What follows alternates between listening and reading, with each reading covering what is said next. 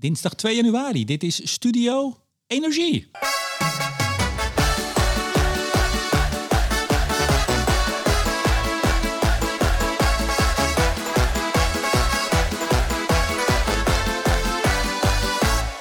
Ja, en de luisteraars die weten het dan. Hè? Zeker de vaste luisteraars. En zeker wie in Diligentia was dit jaar. Dan zit er iemand tegenover mij. En dat is Martin Visser. Je mag dat terugzeggen. Ja, het is wel heel bijzonder, zo'n applaus. Ja. Hoe is het met je? ja, het gaat prima. Dat is eh, ja, een vakantieweekje en dit is een, een dagje ertussendoor eigenlijk. Hè? Wij nemen het eh, donderdag 28 december op. Mochten er nou nog hele gekke dingen gebeuren, dan, eh, dan weten mensen dat als ze dit 2 januari horen. Ja, dit is de grafiek van het jaar. Ja, alweer een jaar voorbij. Dat gaat best wel snel. Ja, het gaat snel. Jouw grafiek van de dag, ik zeg het toch nog even voor de nieuwe luisteraars. Daar ben jij ja, beroemd mee geworden. Je doet het nog steeds, iedere dag. Hoeveel per dag? Ja, ik, eh, in principe elke avond maak ik even twee, twee soms drie grafiekjes klaar. Ah, soms wel eens vier- vier ook wel eens, hè? Nou, dat is wel heel veel. maar eh, en, en ja, die, die zet ik dan klaar en die verschijnen in de loop van de volgende dag. Ja, en we doen nu voor de zesde keer hier bij Studio Energie de grafiek van het jaar. Ja, wat is er gebeurd? Eh, wat gaat er gebeuren? Waarom is er gebeurd wat er gebeurd is? En waarom gaat er gebeuren wat er gaat gebeuren? Alle getallen komen zo langs. En vooral eh, waarom het is hè, en hoe het zo gekomen is. En je hebt het weer fantastisch voorspeld. Hè? Het is gewoon eng. Ja, het is haast on, ongelooflijk zo nu en dan. Ja. Aan de andere kant, eh, ja, misschien is het toch minder moeilijk dan het soms lijkt. Ja, ik heb hier op mijn briefje altijd een vast intro staan. En ik dacht, ik, ach, ik ga hem nu niet doen. Ik doe hem toch even. Ik zeg altijd de man met alle antwoorden. Lector Energie, Transitie aan de Hans Hogeschool, Groningen, moet ik er dan bij zeggen. Manager strategie bij GasUnie. Maar wij kennen hem als de ongekroonde cijferkoning van de Nederlandse energietransitie. Vriend van de show, Martin Visser. Ik vind het fijn dat ik je weer zie. We zitten in Wientjes, in Zwolle. Inderdaad, ja. ja. Eh, we zijn alle twee een stukje naar elkaar toe gereden. En we gaan het hebben over, om te beginnen, eh, hernieuwbare energie. Leg jij toch nog even uit. We hebben energie en we hebben elektriciteit. ja, en dat wordt nog steeds heel vaak door elkaar gehaald. En dat is toch wel jammer. Eh, energie leg ik altijd uit. Dat is elektriciteit plus alle energie die we nodig hebben om onze gebouwen te verwarmen. Plus de energie die we nodig hebben voor de industrie. En de energie die we nodig hebben voor ons transport. Ja, om naar Zwolle te komen. Bijvoorbeeld. En elektriciteit is ongeveer 20% van het totaal. Ja, en warmte 55? Warmte is 55 en de rest is transport. Kijk eens aan. Nou, waar, waar zullen we beginnen? Ehm, zullen we beginnen met je voorspelling? Zullen we beginnen met wat het geworden is? Ik laat het ook eigenlijk een beetje aan jou. Ik ga zo even koffie halen. Jij gaat gewoon de, de luisteraars bijpraten. Begin maar. la- laten we maar beginnen wat het, wat het geworden is in 2023. En wat mij betreft beginnen we met elektriciteit. Nou, vertel. Want op een of andere manier vinden mensen elektriciteit veel leuker dan energie. Dat is heel opmerkelijk als je het ook met, over twittert bijvoorbeeld. Ja. Elektriciteit, daar gaat het om. Terwijl het toch, wat ik al zei, slechts 20% van het totaal is. Ja, en, en, en redacties en journalisten die roepen dan vaak... het is eh, zoveel huishoudens. Dan wordt het altijd Ja. omgeslagen naar huishoudens. Nou, dat, dat gooien we even helemaal aan de kant. Tromroffel, die heb ik even niet. Trrr, ik doe hem zelf. Hoeveel is het geworden? Ja, en het is geworden dit jaar 50% hernieuwbare elektriciteit. Of beter gezegd, 50% van het totale elektriciteitsverbruik van Nederland kwam uit hernieuwbare bronnen volgens de IPCC-definitie. Kijk, daar, daar spreekt toch de lector even eh, volledig. Weet je, Martien, eh, wij hebben natuurlijk even contact gehad vooraf en ik zag de getallen. En ik moet er ook even bij zeggen, mensen horen dit 2 januari of later. Maar wij nemen dit dus de 28e op. Vandaag is ook, zijn ook de cijfers van energie. Opwek heet het, hè? Ja. Die, die site. Daar zit jij ook achter. Ja, klopt. Ja. Niet toevallig zijn dat dezelfde getallen. Dus mensen kunnen dit, eh, hebben dit al eerder kunnen zien, die cijfers. Ik zag dat zo staan, die 50%. Ik wist het al van jou. Dat is toch best wel heel bijzonder, hè? Want ik zit nu, nou, een jaar of tien eh, doe ik dit. Jij doet dit al veel langer. Maar tien jaar geleden, rond die tijd, als we toen hadden over... dat we nadachten dat het wel 50% zou worden. Dan Ja. dacht je, nou, dat, hoe gaan we dat in hemelsnaam doen? Ja, het is enorm snel gegaan. Dat is, ik heb er ook nog een grafiekje van laten zien. Hè, een paar, nog niet zo lang geleden eh, scoorde Nederland ook qua elektriciteit, hernieuwbare elektriciteit, minder dan het gemiddelde van de EU. En nu zitten we op een twee keer zo hoog percentage als de EU. Ja, En dat is eigenlijk in ja, jaar of vijf tot zeven gebeurd. En dat is een, eh, een wereldprestatie. We zijn eh, het beste qua zon. En niet alleen qua zonnecapaciteit. Dat waren we al, hè? Dat, waren, we al, maar ook qua zonopbrengst nu in de EU. Dus we hebben landen als Spanje en Griekenland, waar toch ook heel veel panelen liggen, hebben verslagen in de hoeveelheid zonne-energie als percentage van het elektriciteitsverbruik.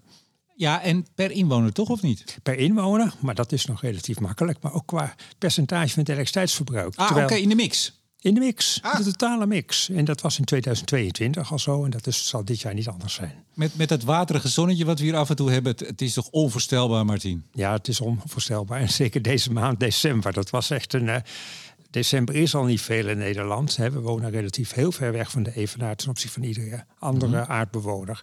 Maar dit jaar, december, thuis scoorde ik maar de helft van een normale december. Mm. Het was helemaal niks, maar toch staan we gemiddeld over het hele jaar bovenaan. Hoe zijn we aan die 50% gekomen? Wat zijn de belangrijkste drivers, zoals het zo mooi heet? Ja, ja als je achtergrond kijkt, is het de belangrijkste driver eigenlijk het energieakkoord. dat hebben we gesloten in 2013.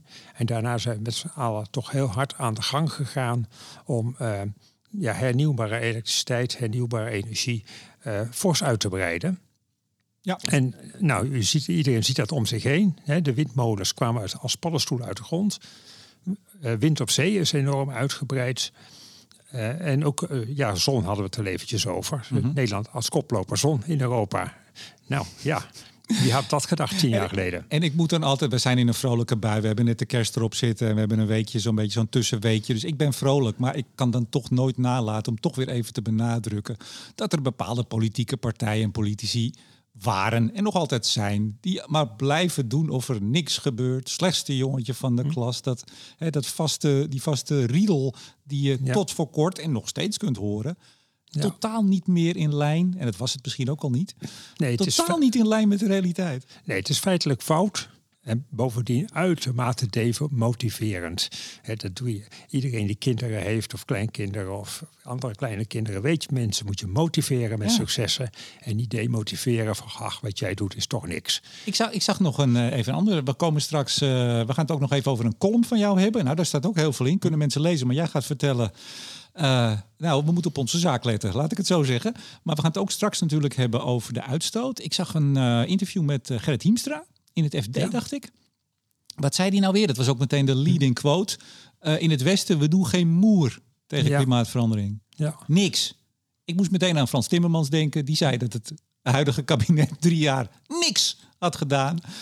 Wat komt het? Nou ja, goed, dat is jouw, jouw, ja, uh, jouw vak niet. Maar het is toch... Het lijkt wel, en da daar zit wel een zekere logica in. Hoe verder we komen, hoe meer mensen die voorop liepen lopen, willen lopen. Hè? Want laten we ze eren wie eren toekomt. Hè? Een partij als, als GroenLinks was er al veel eerder van dan een CDA en een VVD. Dan moeten we, dat is gewoon zo. En iemand als Gerrit Hiemstra, die is er ook altijd mee bezig geweest. Maar hoe verder je komt, het lijkt wel of ze nog meer willen benadrukken dat het allemaal niks is. Ik vind het fascinerend. Ja, ja het is, uh, nou, ik denk niet dat het iets voor natuurkundigen of, uh, of lectoren is, misschien meer voor psychologen. Ja, dat, uh, heel goed. Hey, um, nou, energieakkoord gestart. En ja, dat is dus 31 december, voor ons nog drie dagjes weg. En als mensen dit horen, is dat net geweest. Dat was de deadline voor het energieakkoord. Ja. Laatste dag van december 2023. Um, ehm, wind op zee, dat is een belangrijke. 4500 megawatt ongeveer zouden moeten staan. En we zitten al wat hoger. Ja, we zitten op 4700 megawatt. Eh, wat er op zee staat aan molens. Ja, draaien ze ook? Nee, niet allemaal helaas nog. Tenminste, ik, ik, ben er, ik ga ervan uit dat de data op NSOE uh, correct zijn. En dat laat zien ongeveer een piek van 32, 3300 megawatt. Dus er moet er wat gebeuren om ze allemaal aan de praat te krijgen. Maar dat gaat ongetwijfeld het komende half jaar of zo lukken. Ja, het is, Martin, even tussen ons. Het is een beetje een mysterie, hè? Wat ja, daar gebeurt op de Noordzee.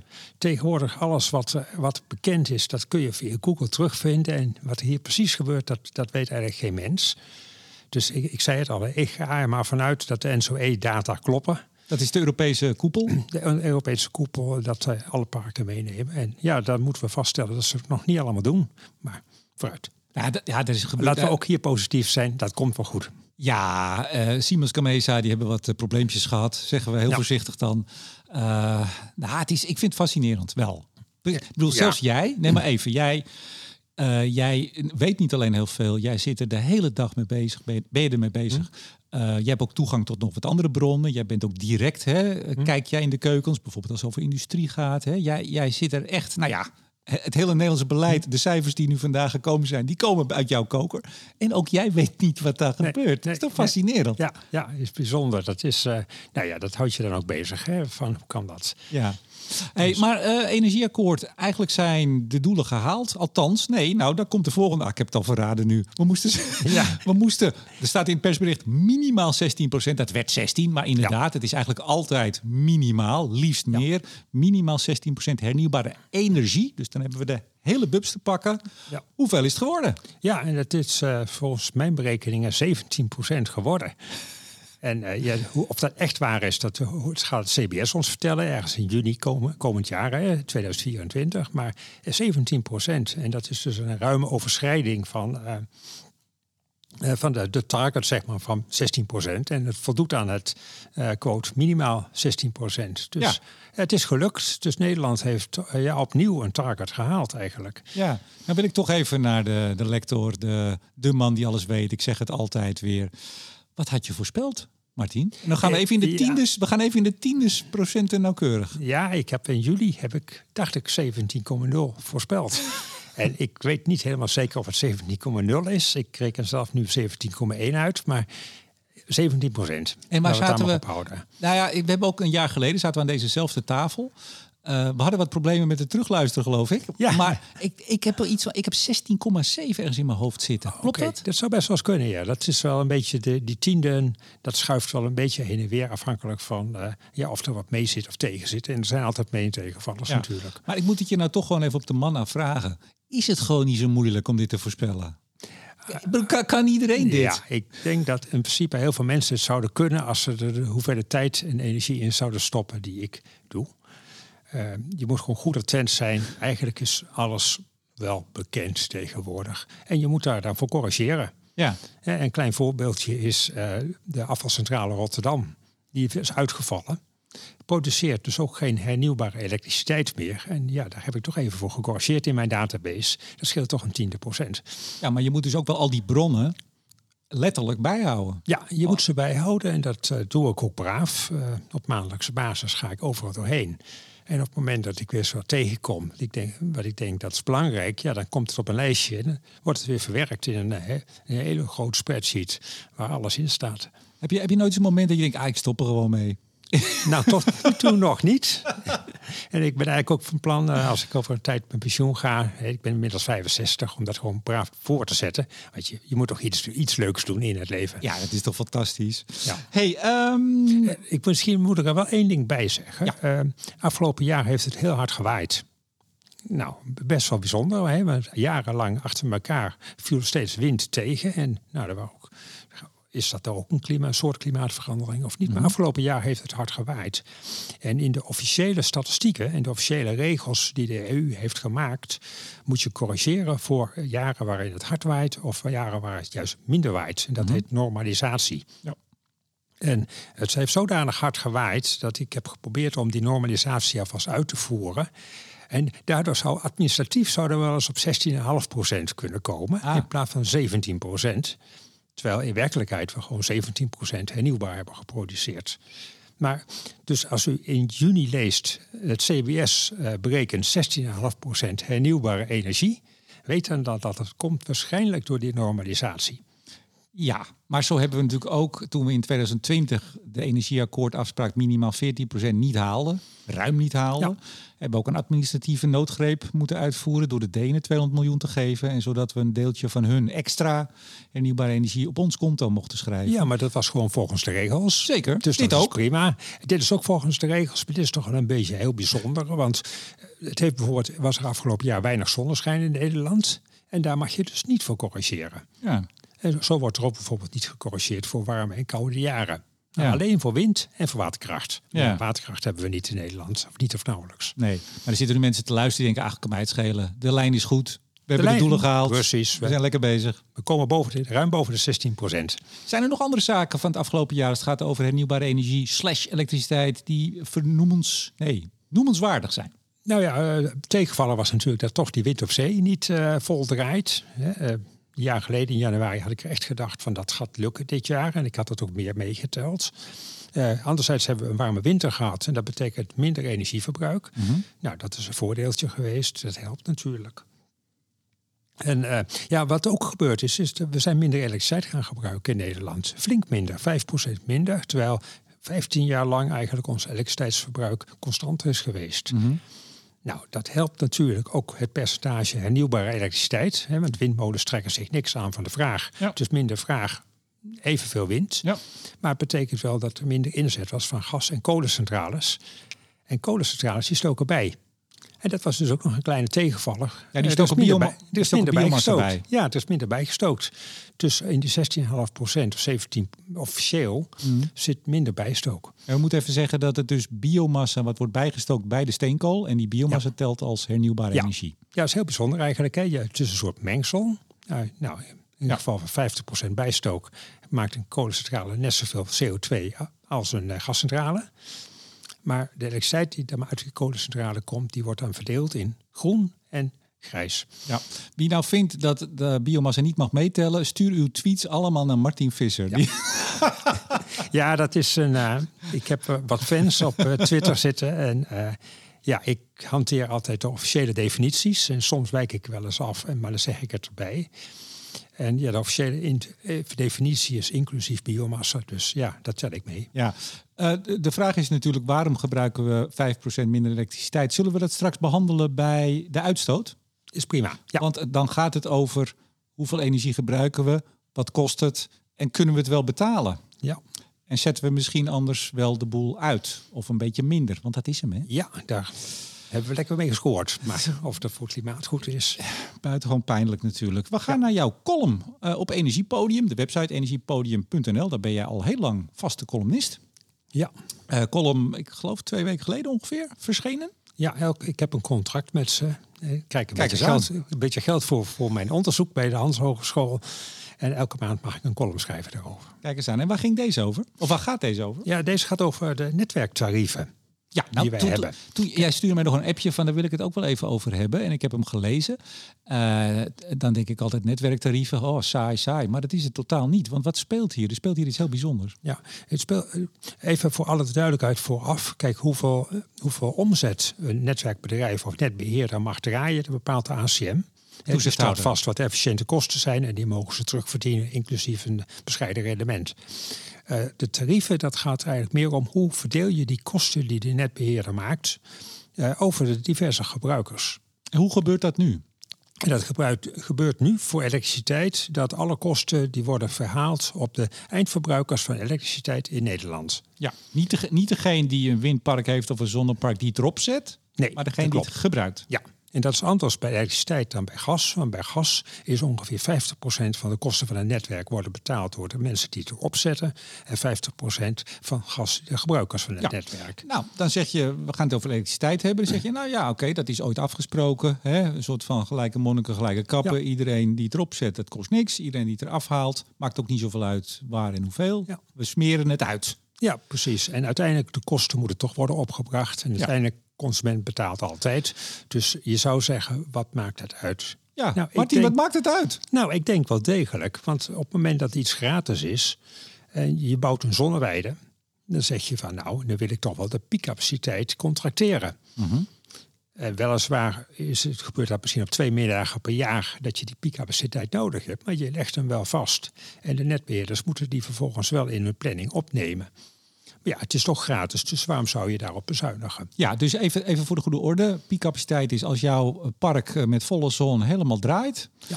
Eh, net wat je zegt, hè, dat gebeurt misschien niet zo vaak. Dan wil je een aansluiting hebben waarmee je alle stroom die op dat moment wordt opgewekt ook het net op kan. Ja.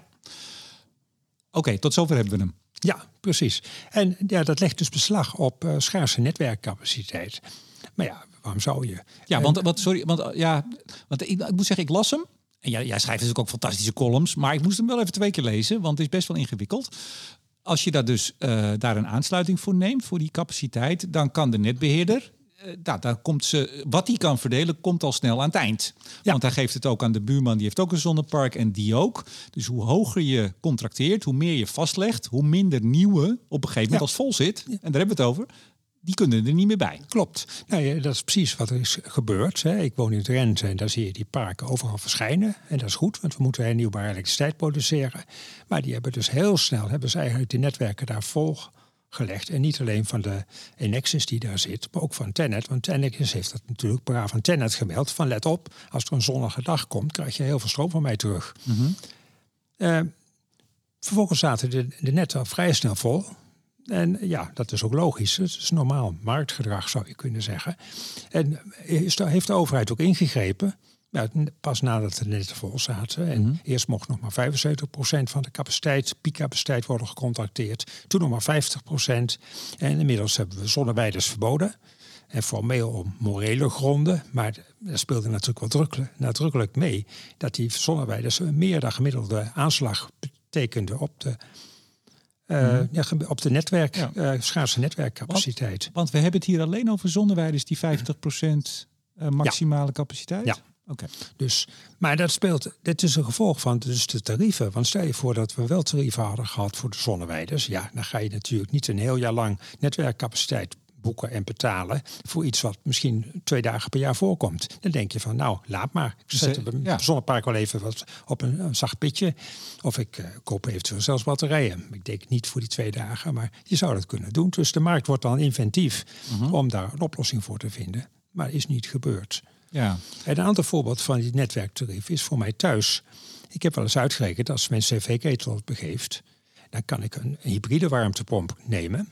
Of ik kan een volledig elektrische warmtepomp nemen. Mhm. Mm -hmm. Maar alleen die volledig elektrische warmtepomp, dat is onvoldoende voor mijn huis. Ja. En misschien dat ik ooit wel zover kan isoleren dat dat wel is, maar voorlopig niet. Dus mijn optie is dan een volledig elektrische warmtepomp en een aantal straalkacheltjes. En dat is natuurlijk een enorme aanslag op het netwerk op het moment dat het een dagje flink koud is. Ja. En zeker als het een paar weken een keer flink koud is in een Mhm. koude winter. Maar ja, het tarief is zodanig dat het voor mij thuis niet uitmaakt of ik nu heel veel netwerkcapaciteit uh, uh, af ga Mhm. nemen of heel weinig. En bij een volledig elektrische warmtepomp hoef ik geen gasaansluiting meer te betalen. Dus voor mij thuis kan het uit om een, uh, een volledig elektrische warmtepomp te nemen met drie of vier straalkachels. Ja, En maar- ik heb dat een beetje virtueel opgeschreven in de column. Maar ik kreeg prompt reacties van mensen die zeiden, dat heb ik gedaan.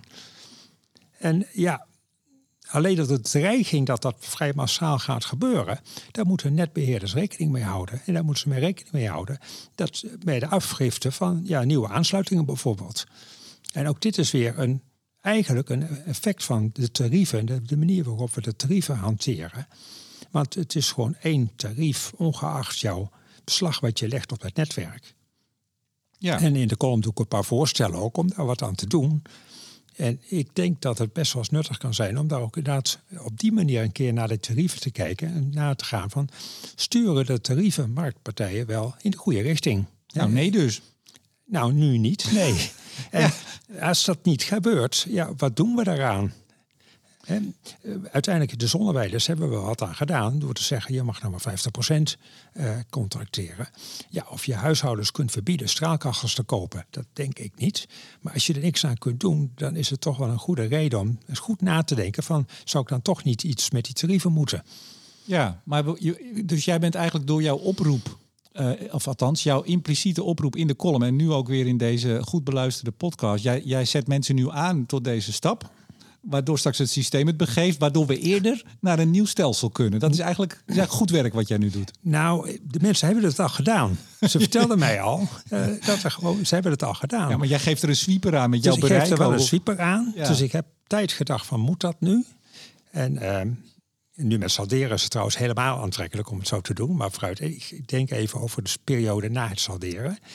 Dus ehm, het gaat toch gebeuren. En anders lees je het wel of mensen vertellen het na of horen van de buren en, en dergelijke. Dus je kunt er beter maar voor zijn. En te zeggen van nee, we gaan inderdaad iets doen. eh, dan dat we eh, ja, wachten tot het te laat is, zoals we met zonneweiders hebben gedaan. Ja, we, we breken het systeem zodat het nieuw opgebouwd kan worden. Dat is het eigenlijk. Nou, ik wil liever zeggen van pas op, het te worden afgebroken. Uh, doe iets. Ja, want jij hebt inderdaad vier, uh, vier lessen. Nou, je zei de eerste al via een slim tarievenstelsel marktpartijen ja, de juiste incentives geven, zoals dat in goed Nederlands heet. Nummer twee, uh, je zegt laten we, als dat niet mogelijk is of niet goed mogelijk is, ons er vooral van bewust zijn. Waardoor de overheid tijdig kan, gaan, kan gaan normeren. Ja. ja. Weet je nummer drie en vier nog uit je hoofd, anders ga ik gewoon door. Uh, ja, de, de, vierde weet ik wel. oh, dan doe ik de derde. Uh, nou, niet opnieuw wachten. Uh, ja. totdat de markt eigenlijk, ja, totdat het misgaat. Dat is eigenlijk heel simpel, dat heb je al gezegd. Ja. Hè? Zoals met de zonneweiders. Overigens, je zei echt, ja, er is echt een verbod eigenlijk. Hè? Althans, een aankomend ver verbod. Er is een aankomend verbod. dus in de nieuwe SDR-ronde zullen geen zonneweiders meer zitten. Maar dan mag je hem toch nog wel bouwen. Je krijgt alleen geen subsidie. Ja, maar dat doet niemand, denk ik. Nou ja, ik hoor altijd van de duurzame energie mensen, we kunnen zonder subsidie. Ik denk, nou ja, dan gaan ze misschien toch wel gebouwd worden nog. Ja, nou, ze kunnen wel zonder subsidie, maar ze willen wel een soort verzekeringspremie dat als de prijzen weer onderuit gaan, uh, dat ze dan toch weer subsidie krijgen. Dus uh, dit jaar krijgen ze geen subsidie, want de prijzen zijn te hoog. Tenminste, voor veruit de meeste uh, zonneweiders en windparken. Mm -hmm. Maar ja, als de prijzen weer omlaag gaan, en dat we dat hopen voor de burger en voor de bedrijven hier in Noordwest-Europa, mm -hmm. ja, dan willen ze toch weer subsidie. Ja, steun eigenlijk. Hè? Dus het kan maar niet zonder steun. Hè? Ja, en het heeft ook te maken met de financierbaarheid van de zaken. Hè, banken mm -hmm. willen, ja, willen niet het risico lopen dat men failliet gaat, of dat ze hun leningen niet terugbetaald krijgen.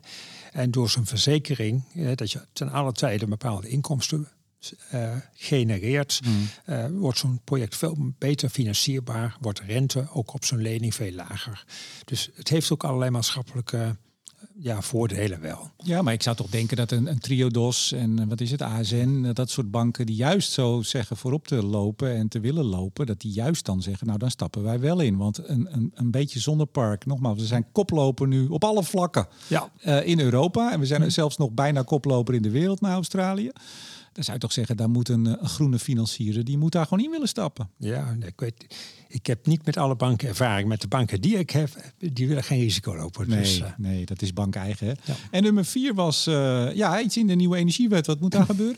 Ja, de energiewet. Uh, ik, mijn voorstel is om het kostenveroorzakingsbeginsel daar heel hard in te zetten. Want nu zijn de tarieven vooral zo gemaakt om... Het moet simpel zijn en het moet de liquiditeit van de markt uh, vergroten. Mm -hmm. En het kostenveroorzakingsbeginsel zit er eigenlijk niet of nauwelijks in. Mm. En op het moment dat je dat zou doen, denk ik dat de, de markt ook veel beter zijn werk zal doen en dat de overheid minder hoeft in te grijpen. Dus dan moet iedereen die, zoals jij, uh, nou weliswaar virtueel, maar de mensen die reageerden, die gaan dan meer betalen met hun straalkachels en hun. Uh... Ja, mensen die overwegen een straalkacheltje doen en te nemen en een uh, warmtepomp, die gaan daar meer betalen. Mensen die een hybride ketel nemen, die blijven veel betalen. En dan wordt het plotseling wat interessanter, bijvoorbeeld om een hybride ketel te nemen als je een huis hebt wat eigenlijk niet echt geschikt is voor een normale warmtepomp. Ja, want ik, ik ben er nooit zo uit, want um, uh, nou, ik ben een klein, klein boekje aan het schrijven, dus ik zit ook heel erg in die, die begin van die van gaslos tijd. Toen kwam, werd ook als hybride gezegd, hè, van als oplossing. Maar ik ben er nog steeds niet helemaal uit of je nou, sommige mensen zeggen met hybride hoef je helemaal niets aan het huis te doen aan isolatiemaatregelen of wat dan ook. En anderen zeggen, ja, jawel, je kan er niet zomaar inhangen. Het ligt er toch wel aan hoe goed ja. het geïsoleerd is. Je kunt het in principe zomaar inhangen. Maar ja, nee, eigenlijk, eigenlijk kan. Ja, ja, en daar kun je mee verwarmen dan. Uh, maar ja, eigenlijk voor bijna ieder huis is het verstandig om ook te isoleren. Ja, toch? Kijk, uiteindelijk, zelfs een warmtepomp bespaart niet eens zo heel veel energie. De echte energie die je bespaart, is uh, de isolatie die nodig is om een huis met een warmtepomp te kunnen verwarmen. Ja. ja jij schrijft ook in je column hè, dat uh, een flatbewoner uh, nou, zo'n 200 euro eigenlijk te veel betaalt aan netwerkkosten gemiddeld. Ja, zo? een flatbewoner die aan de warmtenet hangt. Hè, dus Precies, ja, sorry. Ja. ja. En, en iemand in de villa die uh, lekker helemaal zelf zijn dingetje doet, die betaalt 800 te weinig per jaar. Ja, dat heb ik inderdaad wel voor mijn kiezer gekregen. Voor mensen die zeiden van, ja, wat doe je, wat doe je me aan? Ja, maar, ik denk dat het eerlijk is. Nou ja, nou ja goed. En daar, daarmee zal dit dus ook, net als de salderingsregeling, uh, een enorm politiek issue worden. Wat is eerlijk? En daar gaat natuurlijk altijd politiek over. Ja, klopt. En ik moet er ook wel bij zeggen, die 800 euro voor die villa-beheerder, uh, villa-bewoner, dat geldt alleen maar als die zijn gedrag niet aanpast. Hm zou die man of die vrouw besluiten om voortaan de auto niet meer tussen 6 en 8 s'avonds op te laden, maar s'nachts, ja, dan hoeft hij geen 800 euro extra te betalen, want dan wordt het weer een normale afname. Of een min of meer normale afname. Maar zoals het nu is, en men komt thuis en hangt gewoon de, de, de elektrische auto op het piekmoment van de stroomvraag aan de oplader, ja, dan neem je op dat moment heel veel capaciteit af. En ja, daar moet je er ook extra voor betalen, vind ik. Maar het gekke met die salderingsregeling is toch dat er ook partijen die, eh, zoals de SP, die, die zeer voor eh, de kleine beurs zijn, zeg ik maar heel kort samengevat, dan toch zo'n regeling in stand willen houden, die eigenlijk helemaal niet eerlijk is, juist voor mensen Ja. met de kleine beurs. Ja, Die geen is- mogelijkheden hebben voor zonnepanelen, et cetera. Ja, klopt. Het is een heel bijzonder iets. Het salderen, salderen gaat trouwens nooit over de netwerken. Hè. Dat, is, eh, dat is ook gek eigenlijk, want het effect van de netwerken is veel groter eh, dan van eh, de energieprijzen of de belastingen zelfs. Maar eh, eh, jij, het, het- er zijn natuurlijk ook hè, inmiddels een miljoen huishoudens of anderhalf miljoen huishoudens die panelen hebben. En dat zijn wel drie miljoen potentiële kiezers.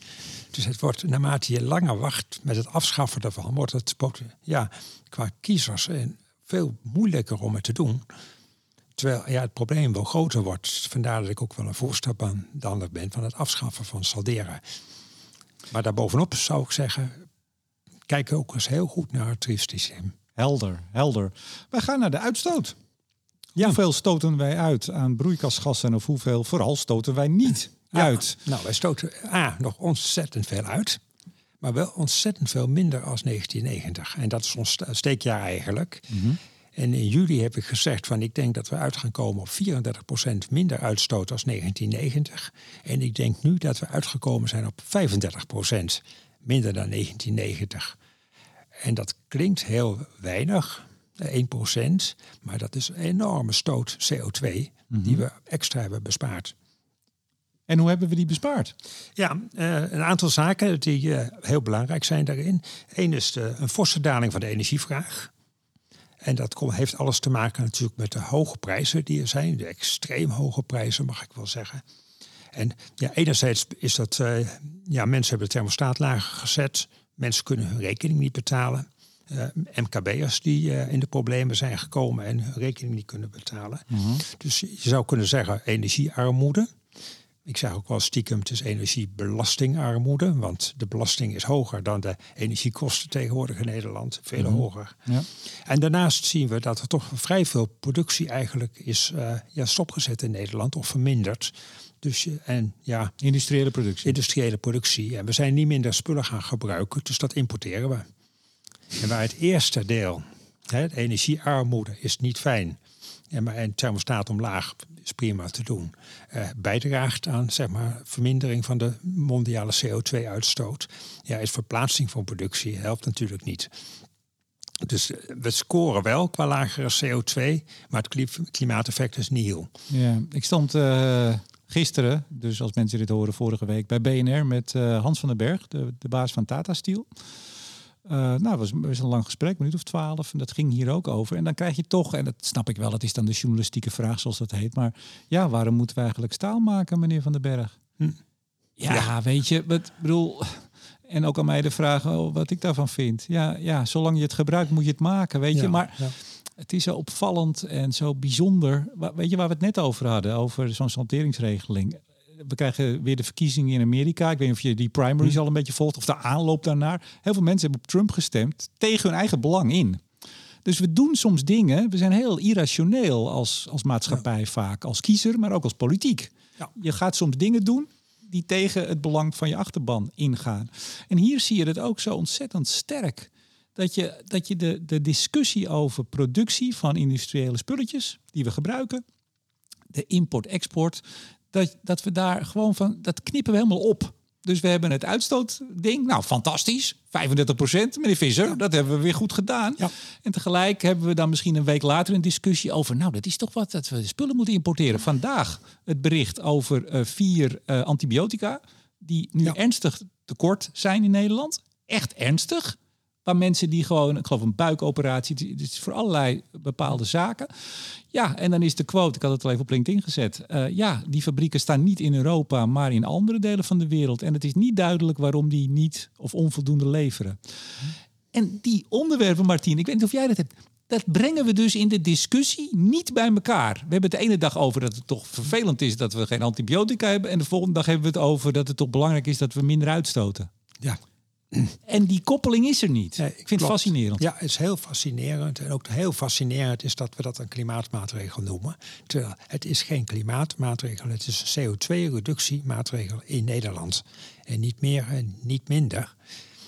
En langzamerhand zie je de EU wel wat stemmen omgaan van... eh, ja, we moeten zorgen dat we in ieder geval de essentiële producten zelf gaan maken. Strategisch autonoom. Strategisch autonoom, dat is een prachtige term. Nou, voor mij is staal zo'n beetje het belangrijkste product wat we gebruiken. Je kunt je niet verzinnen of we gebruiken er staal voor. Eh, Tata Steel maakt ongeveer even, evenveel staal als we als Nederland gebruiken per jaar.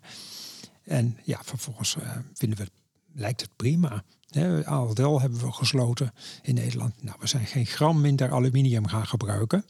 Ja, bij mij vlak om de hoek is een eh, winkel of een bedrijf gesloten wat al tientallen jaren glasvezels maakte. Gaan we ook voortaan importeren. Scheelt ook weer een hoop energieverbruik in Nederland.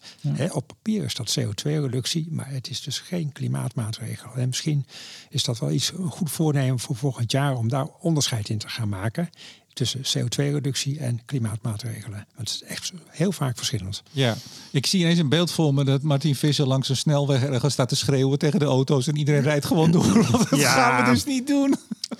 Het is eh, op, op mijn bescheiden manier probeer ik daar een bijdrage aan te Ja, leveren. je doet dat heel goed. Je doet het fantastisch. En, eh, laten we zuinig zijn op de maakindustrie. En ik moet inderdaad voor vaststellen dat dat eh, ja, niet of nauwelijks gebeurt. Nee, terwijl we hebben dus gezien, ja, ik, ik ga er misschien een beetje te lang over door. Excuus mensen, excuus. Nee, helemaal niet. Ehm, we hebben het gezien hè, met, met, met COVID natuurlijk. Met het, nou, zelfs nog met die boot die, die scheef lag in het Suezkanaal. Hè. Ja. Er hoeft maar iets te gebeuren en dingen komen Ja, gewoon ja. niet meer hier naartoe. En nu is het een, een- zijn het medicijnen en het kan straks als we Tata dicht doen. En Tata is er over vijf tot tien jaar niet in de huidige vorm meer. Absoluut niet. Dat durf ik wel te stellen. Wordt het klein, veel een beetje recyclen, hè, veel schroot. En kunnen we ook bepaalde stalen niet meer maken, staalsoorten. Eh, en, en dat we dat dus zo gezien hebben van dichtbij, kort. Hè? Iedereen die nu aan de knoppen zit en, en die stemt en doet, die heeft dat gezien, heeft het aan de lijf ondervonden. En toch maken we die koppeling niet. We denken Ja. toch nog steeds dat we er wel mee wegkomen. ja, klopt. En, we richten vaak ook nog schade aan elders ook. Hè. We hebben bijvoorbeeld door die hoge gasprijzen eh, hebben we veel minder kunstmest gemaakt. In, in- niet in, alleen in Nederland. Ik zag pas een grafiekje dat er 50 fabrieken zijn in Europa, verdeeld over Europa. En die hebben allemaal veel minder eh, kunstmest gemaakt. Dat is eh, ik schat zo'n beetje ti- of 15% van de totale daling van de gasvraag hebben we daarmee bereikt. Maar kunstmest hebben we nodig. Eh, heel- in heel veel gebieden van Europa kun je zonder kunstmest eigenlijk geen agrarische productie hebben. Dat hebben we opgekocht in de rest van de wereld. Prijzen zijn omhoog gegaan, konden wij betalen. Maar vervolgens landen in Afrika en zo hebben dus te weinig of geen kunstmest meer. En eh, hebben daar dus veel minder oogst dan ze anders zouden hebben gehad.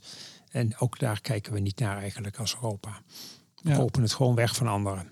Ik had het laatst met Hans van Kleef in de marktupdate over Pakistan. Hè, waar een mooi, mooi achtergrondverhaal, mooi, Ja. mooi pijnlijk achtergrondverhaal bij. Ik dacht Bloomberg over hoe daar gewoon eh, eh, eh, eh, daar de middenstand en ook de industrie, of de, de kleinschalige industrie, die is daar over het algemeen wat kleiner. Nou, gewoon ligt op zijn gat. Ja, ook toevallig had ik ook een, eh, over Bangladesh. Ik heb Ook. er nog een tweetje aan gewijd. Maar die krijgen nu geen LNG meer omdat wij het wegkopen. Precies, dat was daar ook zo. Ja, dat kopen we gewoon op en daar hebben we het niet over. Kijken we Ja. niet naar. Nou goed, We gingen een beetje Ja. positief. Maar doen. er zijn nog meer redenen waarom de CO2-vinger is gedaald. Ja. En, eh, eh, ja, mede ook door, trouwens door de deindustrialisatie, laten we het maar zo noemen, hebben we ook minder elektriciteit gebruikt. 5% minder. ja, Heel komt, die, bijzonder. komt die vooral door de industrie, niet zozeer door de nee. burger thuis? Nee, het eh, eh, CBS berekent dat inclusief het eh, eigen verbruik van, eh, van zonnepanelen. Mhm. Er is vaak een misverstand over, maar dat wordt gewoon meegerekend met een model vergelijkbaar met energieopwekken. En dat doen ze best wel goed, vind ik. Dus, maar minder elektriciteit gebruiken, dat betekent minder gas- en kolencentrales en vooral minder kolencentrales. En dat heeft ook een behoorlijke geholpen om de CO2 eh, te reduceren. Eh, kolencentrales hebben van de zomer eigenlijk uitgestaan. Ja. Ze mogen weer draaien, Dus ze draaien niet commercieel, want ze zijn niet nodig. Alleen als het koud is, begin december hebben ze fors gedraaid. Op dit moment staan ze ook weer bijna uit. Hm. Dus dat is een belangrijke.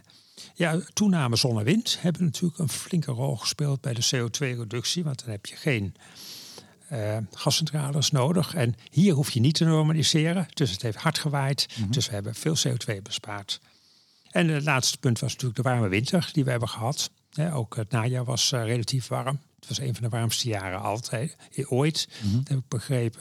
En dat betekent ja, minder eh, energie nodig voor verwarming. En dus minder CO2-emissie. Ja, ik had nog even de aantekeningen van vorig jaar, precies een jaar geleden toen we hier zaten. Toen was het ook al de warme winter. Ja. De, het af, de afgelopen winter toen. Ja, ja, ja. En we hebben toen enorm gezwijnd. En met lege bergingen zijn we gelukkig hebben we een warme winter gehad. Nu hebben we volle bergingen en een warme winter. En dat betekent, ja, betekent dat de gasprijzen fors gedaald zijn. En dat is ook goed nieuws voor Europa. Want ja, voor elke kuub gas die we importeren moeten we veel geld betalen. Ja, maar het, is, het, het, het haalt het nog niet bij de prijs in Amerika. Nee, dat is een factor 4 of factor 5. We beta- dus de industrie betaalt in Europa meer voor haar CO2-emissierechten dan in Amerika voor het gas. Ja, ongelooflijk hè? Dat is ongelooflijk. Dus zelfs met een gasprijs nul betaal je hier nog meer voor je energie dan in Amerika. Als industrie. Als industrie, ja. Maar dat is toch, ehm, hoe heet dat zo mooi, niet volhoudbaar, meneer Visser? Nee, nou, tenzij we dus massaal gaan importeren uit, eh, uit Amerika en uit de andere landen.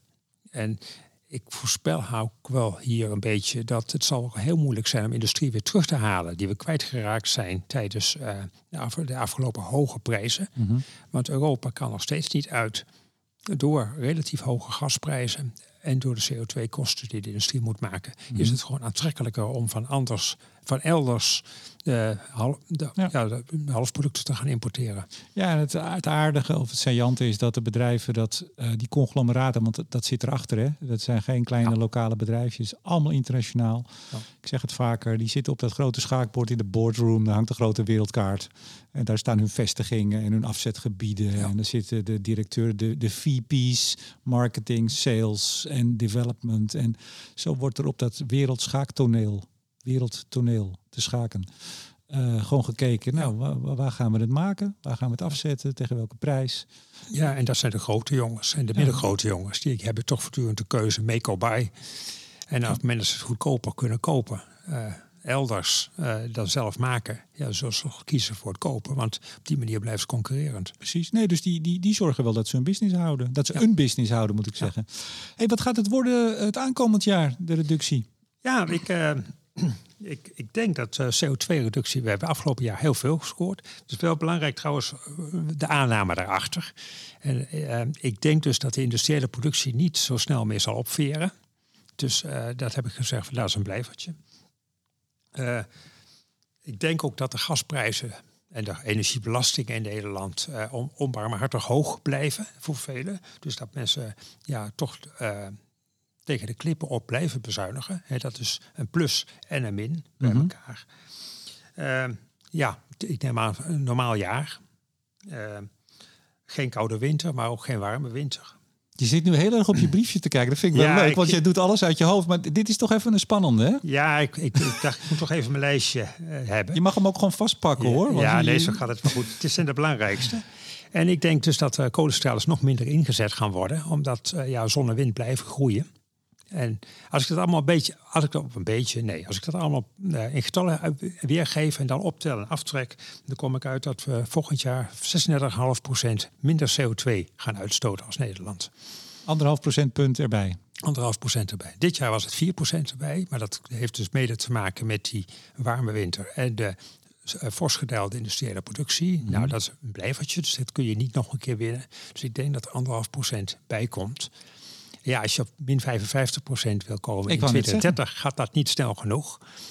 Uh, dat laat ook zien dat bijvoorbeeld projecten om CO2-opslag zo enorm belangrijk zijn om dat soort doelen te kunnen gaan halen. Ja. Dus- Ja, want, want die stap, dan zitten we dus eind, eh, volgend jaar is eind 24. Dus dan heb je nog 25, 26, 27, 28, 29. 30 telt ook nog Nog mee. zes hè? jaar. Dus, Dus anderhalf procent per jaar kom je nog op 9 procent erbij. En dat is toch, uh, dus je moet 18,5% in zes jaar. Kom je op 45% uit en niet op 55. Dus er moet echt nog wel wat meer gebeuren. En nou, CO2-opslag zal daar een hele belangrijke in moeten zijn. En ja, mocht dat niet op tijd komen, ja, dan uh, wordt het heel, heel, heel lastig denk ik om die 55% te gaan halen. Nou ja, zoals ik gisteren bij BNR zei, het is heel makkelijk om hoge reductiepercentages te halen. En daar zijn we al mee bezig. Dat is namelijk gewoon dicht doen. Ja, dat Sluiten. uitstekend. Ik, ik heb ook wel eens voorgesteld in een geintje om de Rotterdamse haven aan China voor 100 jaar over te doen. Ja. Dan heb je in één klapje reductie gehaald. Maar ja, het is wel reductie, maar het is geen klimaat, klimaatmaatregel. En nee, denk toch, dat, dat, maakt niet uit in Nederland, Martin. Dat maakt helemaal niet uit. Ik denk diep in het hart veel mensen wel. Eigenlijk. Jawel. De luisteraars van Studio Energie zeker. Die snappen het ook. Die snappen het, precies. Heb je nog, nog andere zaken die je wil meedelen zo op deze... Nou ja, ik denk dat hernieuwbare energie volgend jaar dat dat op 19% gaat uitkomen. Hadden dus we die komt... niet gemist? Hadden, die, hadden we die ja, niet die hadden we gemist, oh. maar dat maakt niet zoveel uit. Ik heb uh, niet voor niks mijn aantekeningen gemaakt. Dus 19% van 17 naar 19. Weer een, een flinke stap gaan maken. Mm -hmm. En dat heeft alles te maken met ja, de windparken op zee, waarvan ik denk dat ze de eerste helft van het komend jaar wel klaarkomen. De eerste mhm. helft 2024. Mm -hmm. En uh, ja, toch een verdere uitbreiding van zon- en windweer die we zullen gaan zien. Um, dus dat wordt uh, een belangrijke. Uh, maar ook daar wordt het heel moeilijk, denk ik, om de targets te gaan halen. En dat heeft er mede te maken met, ja, we kunnen wel wind op zee bijbouwen. Maar wat moeten we met die stroom? Ja. Tot nu toe hebben we in een toenemende hoeveelheid hebben we geëxporteerd. Uh, nou, maar op een gegeven moment zit uh, ja, de buurlanden bouwen ook wind bij. En bovendien zit de, ja, de grenscapaciteit zit vol. -hmm. Elektrificatie van de industrie, dat wordt best wel moeizamer, want het net zit vol. En ja, de hoop was dat er elektrolyse uh, installaties zouden gaan verschijnen. Maar uh, ja, weliswaar subsidie toegezegd. Maar vervolgens uh, ja, zitten we met z'n allen af te wachten wat er, of er nog wat gaat gebeuren. Ja. Want behalve Shell heeft nog geen enkel bedrijf een positieve investeringsbeslissing genomen. En het is maar de vraag of dat ding van Shell überhaupt uh, in de plus kan draaien. Ja, weet ik ook niet. Daar heb ik geen, geen zicht op. Ik neem aan dat ze dat voor elkaar krijgen, dat soort bedrijven. Maar we zullen het gaan zien. Maar verder is het ja, angstig stil eigenlijk, zou ik kunnen zeggen. Dat betekent dat ja, we misschien we straks wel de modus hebben op zee. Maar we gaan betalen om stil te staan, omdat we de stroom niet kwijt kunnen. Nou, dan, dan zouden we een lekkere positieve uitzending maken, Martin. Wat is dit nou? Dus, maar voorlopig gaat het nog goed, want ik denk dat hernieuwbare elektriciteit volgend jaar doorstijgt naar 57 procent. Zo is mijn voorspelling. Ja. Dus weer 7 procent erbij. Waarbij ik er ook vanuit ben gegaan dat de elektriciteitsvraag zich wel wat zal herstellen. De totale energievraag, daar heb ik niet zoveel hoop op. Maar de elektriciteitsvraag verwacht ik wel dat die wel het gaat herstellen. En mhm. toch stijgen we door van 50 naar 57 procent. En dat gaat dus keurig netjes richting die 85 procent in 2030. Ja, en die heel lang in, uh, bij PBL in de boeken stond voor 75. Hè? Uh, toen we begonnen met het energieakkoord, of ja. kort daarna was het altijd 75. Heb ik altijd onthouden, ja. 75 230.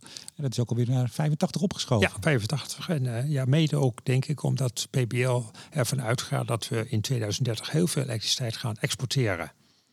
En het leuke van de officiële definitie van hernieuwbare elektriciteit en hernieuwbare energie is dat als je hernieuwbaar exporteert, dan telt dat hernieuwbaar wel mee voor je eigen gebruik. Uh mhm. -huh. Want het is namelijk de hernieuwbare productie gedeeld door het nationale verbruik.